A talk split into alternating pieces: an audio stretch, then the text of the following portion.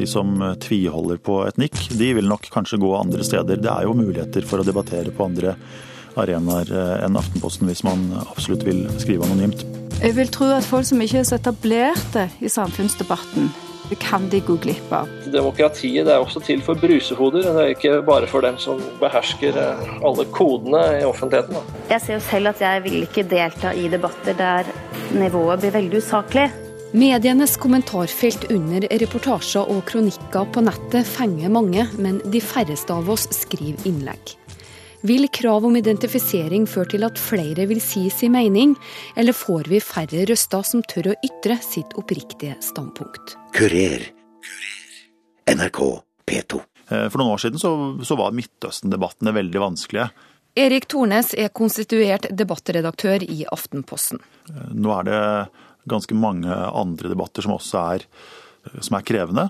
Ta debattene om Norge-Sverige-debattene f.eks., sånn i etterkant av Skavlan. Det er debatter som, er, som, som, engasjerer mange, og som rører mange, og som, som krever mye oppfølging. Problemet var at Jens Stoltenberg satt i den stolen og eh, våget ikke ta avstand fra Fremskrittspartiet. Jeg, altså, jeg trodde jo før jeg ville skyte meg i begge kneskålene før jeg ville forsvare Fremskrittspartiet. Å gjøre politikk av etnisitet, er ikke det eh, kan vi ikke være overens om at det er en dårlig sak? Det som, det som går over de juridiske grensene, fjerner vi selvsagt. Og så har vi jo presseetikken, eh, som vi forholder oss til. Og det er på en måte minstestandarden. Da. Og utover det så, så, har jo vi våre egne krav også. Ta f.eks. debattinnlegg hvor det er en hard tone i debattene, så er det jo ingenting i, i jussen eller, eller, i presseetikken som sier at vi er nødt til å slette det. Men vi er opptatt av å ha en ålreit tone i våre, våre debatter, og, og modererer etter, etter det. Du har sagt at dårlige og unødvendig harde nettdebatter er en trussel mot journalistikken. Hva legger du i det? Nei, det, det, skrev jeg fordi jeg hadde sett en del tilfeller og eksempler der caser f.eks., eller folk som hadde tenkt å tipse avisene, skrev på Facebook, flere av de, at de bestemte seg for ikke å gjøre det, fordi de fryktet kommentarfeltene. Og da er kommentarfeltene, eller røktingen av kommentarfeltene, er det riktigere å si. Det er ikke kommentarfeltene i seg selv, men, men hvordan de røktes av redaksjonene, blitt en trussel mot journalistikken. Altså Man kan ende opp med at man får færre nyhetssaker, eller man kan få et dårligere kildetilfang til viktige nyhetssaker, fordi kommentarfeltene, når de ikke er så gode som de er, bør være og skal være, så kan de skade journalistikken. Men det kan jo selvsagt også være motsatt. Og som regel er det motsatt. At kommentarfeltene gjør journalistikken bedre fordi det er tips der, og det er korrigeringer, og det er utdypninger, og det er innspill til journalist, journalistene. Så her kan det gå begge veier. Nå i november innførte Aftenposten et krav om at nettdebattanter skal skrive under fullt navn. Hvorfor det? Det gjorde vi fordi vi tror at det kan gjøre nettdebattene litt bedre. Og det er viktig å si at vi tror at det kan, være, at det kan bli litt bedre. Dette er en, ett av flere grep, og det er ikke det viktigste grepet. Jeg tror at, og mange, de som jobber med nettdebatt, sier at det er modereringen, den redaksjonelle oppfølgingen, som er aller, aller viktigst. Og det er jeg helt enig i. Men det betyr jo ikke at det er andre grep som også kan bidra. Og, og forskning og, og, vår erfaring også viser at det at man må skrive under fullt navn, gjør at man skjerper seg litt ekstra. At du, at du tenker litt nøyere igjennom før du sender fra deg argumentasjonen din. Og at du også er litt mindre hard i tonen overfor dine motdebattanter. Det er de viktigste grunnene til at vi valgte å innføre fullt navn. Aftenpostens krav om identifisering har fått en blanda mottagelse i kommentarfeltene. Endelig! Det ærlige blekkets triumf over feighetens kvekkende mudderpadder. Nå skal jeg sannelig begynne å lese kommentarfelt igjen. Du får ikke en bøllete debatt med nok og gode moderatorer, men du får en mer hemmet og korrekt debatt med outing av de som kommenterer. Beklager, men det er ikke verdt det. Dere ødelegger så ufattelig mye for svake grupper med den nye løsningen.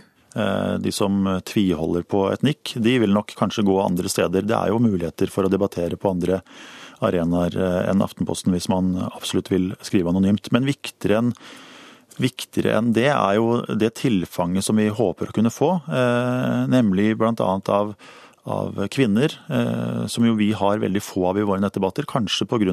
at, at debattklimaet er blitt litt hardt. Eh, det gjelder innvandrere selv, som i liten grad er til stede. Eh, akademikere som, eh, som viser liten interesse for nettdebattene fordi de har ment at det har vært lite å hente der, og kanskje også undervurderer nettdebattene litt, fordi nettdebattene kan være veldig gode. Så det er mange grupper som vi som vi vil ha inn. Altså, det er ikke noe sånn at vi ønsker å ha noen grupper ut. Vi vil bare gjøre, eh, ha et bredere publikum, ha bredere deltakelse. Eh, og det er det viktig å understreke. Jeg ser at Aftenposten på sine debattsider også har fått protester fra innvandrere sjøl, som mener at det blir veldig vanskelig å diskutere åpent med fullt navn eh, i kontroversielle temaer. Ja, det er, eh, det er mange som, som, mener det. Og så er det mange som, som, mener det motsatte. Så her er det litt, eh, litt, ulike meninger. Eh, men vi har fått mange, veldig mange gode og konkrete innspill. Også kritikk etter at vi, vi la om. Og vi forsøker å lytte og besvare. Og det er som sagt ingen, ingen fasit her, så vi får se hvordan dette slår ut på litt sikt. Den nyeste forskningen viser at de som skriver mest i avisenes kommentarfelt, det er litt eldre eh, folk. Eh, og folk med ikke så veldig høy utdanning. Det er ikke veldig mange, vi snakker jo om en ganske liten del av befolkningen eh, som gjør det. Eli Skogerbø er professor ved Institutt for medier og kommunikasjon ved Universitetet i Oslo. Hun har forska på sosiale medier og internettutvikling. I underkant av 10 de skriver på kommentarfeltene i avisen eller på mediehusene, hvis det er det du snakker om. Det er ganske få. Hva oppgir de som eh, skriver i kommentarfeltene som drivkraft til å kommentere og diskutere?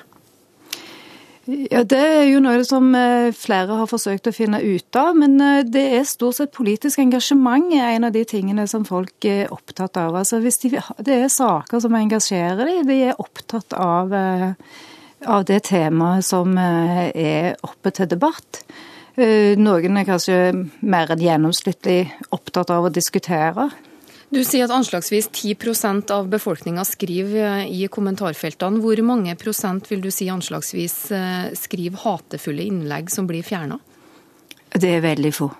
Vi hadde noen undersøkelser for noen år siden der eh, det viser seg at de hatefulle innleggene er veldig, veldig få. Men noen av de kan jo Altså, de oppfattes jo eh, som veldig sterke og veldig eh, grove. Når de, når de, kommer på, eller hvis de ikke blir tatt vekk. Så der er det sånn at det eh, Sånn i antall så finner vi hver eneste gang vi går gjennom nettdebatter og undersøker de, at det er få, veldig veldig få som skriver den type innlegg. Og nå blir flere og flere av de òg tatt bort. Men, eh, men, eh, de som opplever å bli trua, og de som opplever å delta i debatter der, de, der eh, det er grovt innhold, de opplever det jo som ekstremt både ubehagelig, og kanskje òg føler seg rett og slett at de lever farlig. Kurer. NRK P2. NRK-journalistene Elin Rulin Juvsland og Arild Oppheim skrev nylig en kronikk i Dagbladet. Paret er tidligere rana i sitt hjem av to utlendinger, men skrev i kronikken at de fikk som fortjent pga. norsk og europeisk innvandringspolitikk. Ifølge Rulin Juvsland kom det inn rundt 700 innlegg. Dagbladet valgte å fjerne alle som følge av flere hatske og sjikanerende kommentarer. Vi hadde forventa at det skulle bli reaksjoner, eh, og vi vet jo at tidligere erfaringer etter å ha fulgt med litt, at det, det finnes mye eder og galle i eh, folkedypet, og det kommer fram i sånne typer saker. Så det var helt forventa. Helst skulle jeg sett at de ble lemlestet for livet og måtte leve med kroniske smerter inntil den dag de gikk i graven, står det i et av de anonyme innleggene. Elin Rullin Juvsland tar det med fatning. Eh, for det første så syns jeg det er helt usaklig å komme med den type ytringer. Eh, og for det andre så, så pleier jeg sjøl å tenke at eh, når jeg ytrer ting på nettet, så er det ting som jeg også skal kunne si til folk ansikt til ansikt. Og det tror jeg kanskje hadde vært en grei leveregel for flere. Hva skal man tåle av motbør for å skrive et slikt innlegg? Altså jeg syns man selvfølgelig må tåle å bli motsatt på sak. Det er helt naturlig. Folk har forskjellige meninger og oppfatninger. Jeg syns det blir vanskelig å motsi totalt usaklige ting. Og veldig mye av det som kom, er det som jeg sorterer under usaklig. Så det, og Da må man egentlig bare avstå fra å kommentere. og Det er jo et av problemene med disse sakene på nettet, og disse debattforumene, er at det blir så mye og så massivt at det blir helt umulig å kunne kommentere alt. Så selv om mye blir sånn at våre meninger blir veldig feil oppfatta, og at det blir en sannhet om at vi mener noe som er veldig langt fra det vi mener, så, så er det helt umulig å skulle gå inn til hver enkelt uh, som ytrer og si at det her er feil, vi mener sånn og sånn. Frister det til gjentagelse etter å ha skrevet en sånn kronikk? Ja, det, det gjør jo faktisk det, utrolig nok. Jeg syns at vi må tørre å ytre oss om saker som er vanskelig å ytre seg om også. Og jeg har ikke blitt skremt fra å ytre meg om ting som er komplisert i det hele tatt. Men det er ikke for veldig hårsåre mennesker, det er vel bare å innse det. Også det her er ting som er vanskelig, kan være vanskelig for noen å ta. Og nå er det jo sånn at dette er en sak som vi Altså det er en mening. Hadde det vært noe som gikk veldig direkte på person, som blir veldig umulig å forsvare seg mot, så, så tenker jeg at folk Det er helt forståelig at folk holder seg unna. Aftenposten har nå innført en regel om at debattanter på, i deres kommentarfelt skal stå fram med fullt navn. Hva syns du om en slik praksis? Altså jeg syns at I utgangspunktet så ønsker jeg åpne og frie debatter, men jeg ser jo selv at jeg vil ikke delta i debatter der nivået blir veldig usaklig.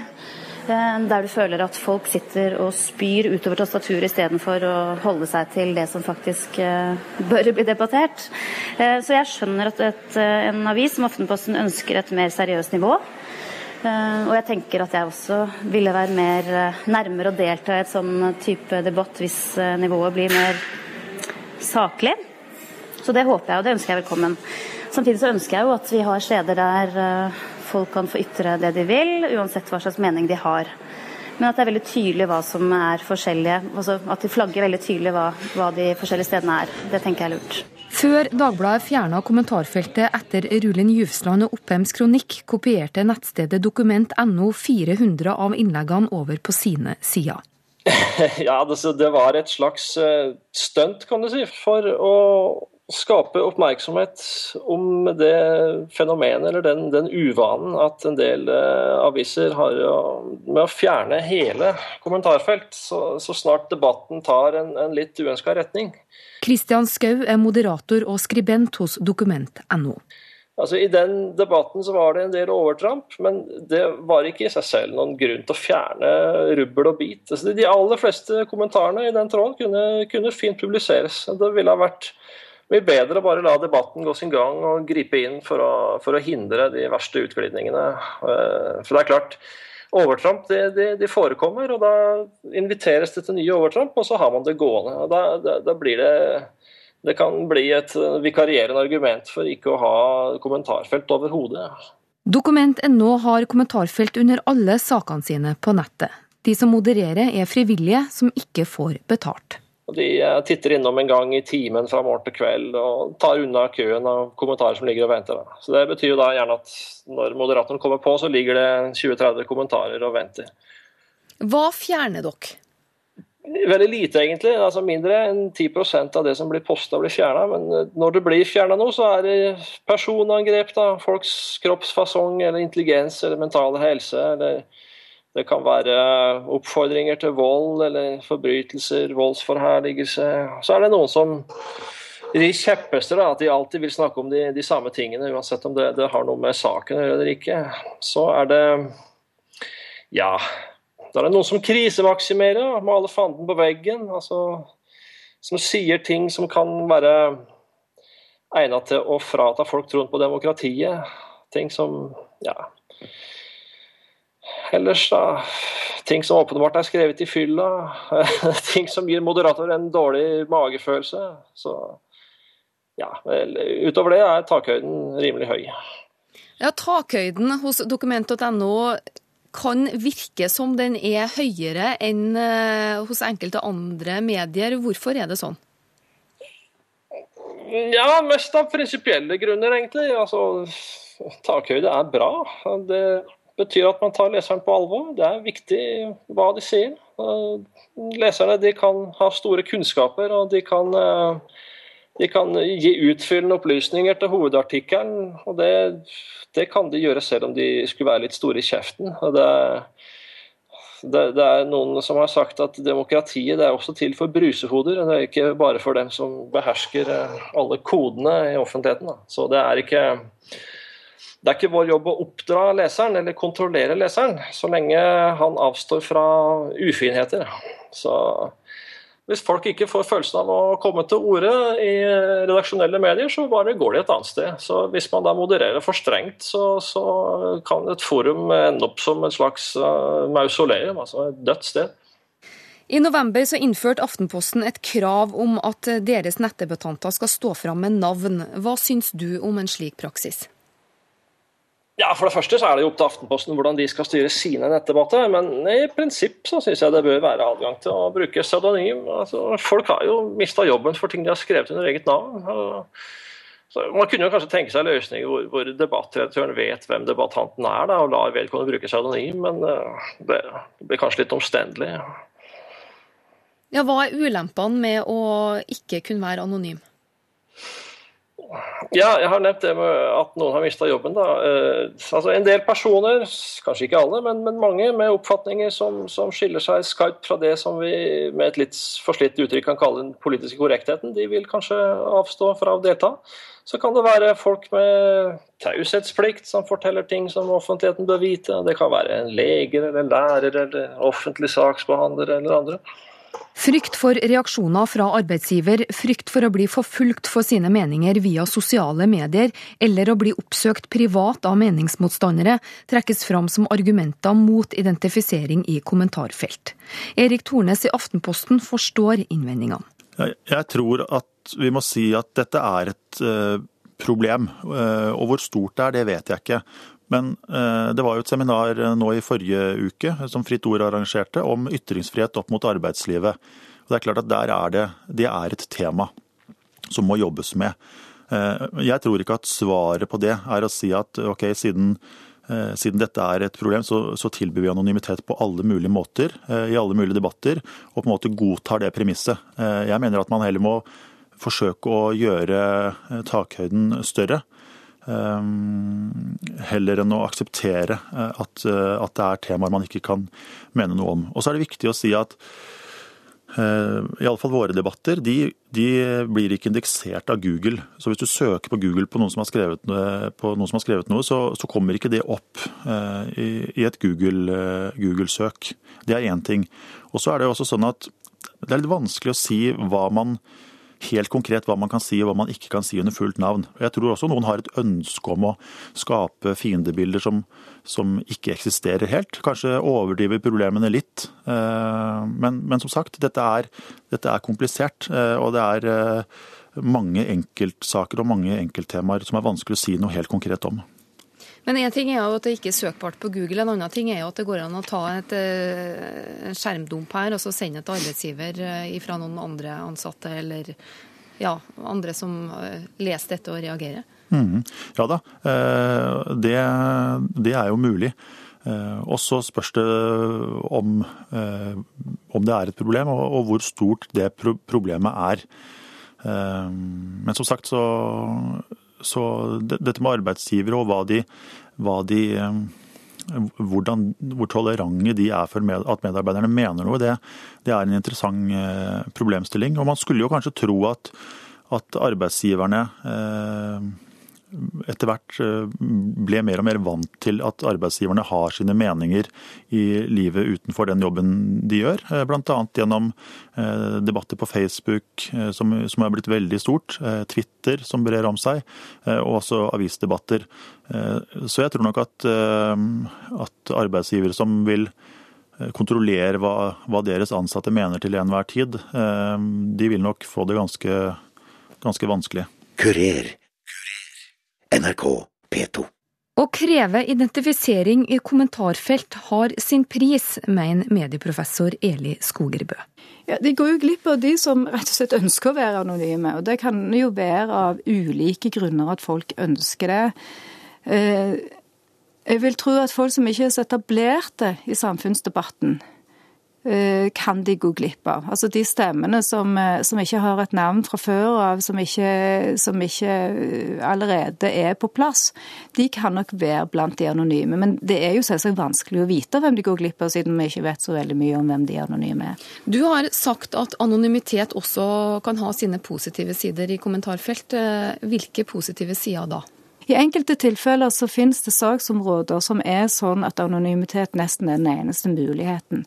Psykiatri, fengselsvesen, eh, sosialomsorg. Eh, altså når folk ønsker å ytre seg om den type temaer, så så er det ofte såpass vanskelig at det å gjøre det anonymt, det er kanskje den eneste måten å gjøre det på, fordi at man både må beskytte kilden, men også kanskje kilden må beskytte sine nærmeste omgivelser.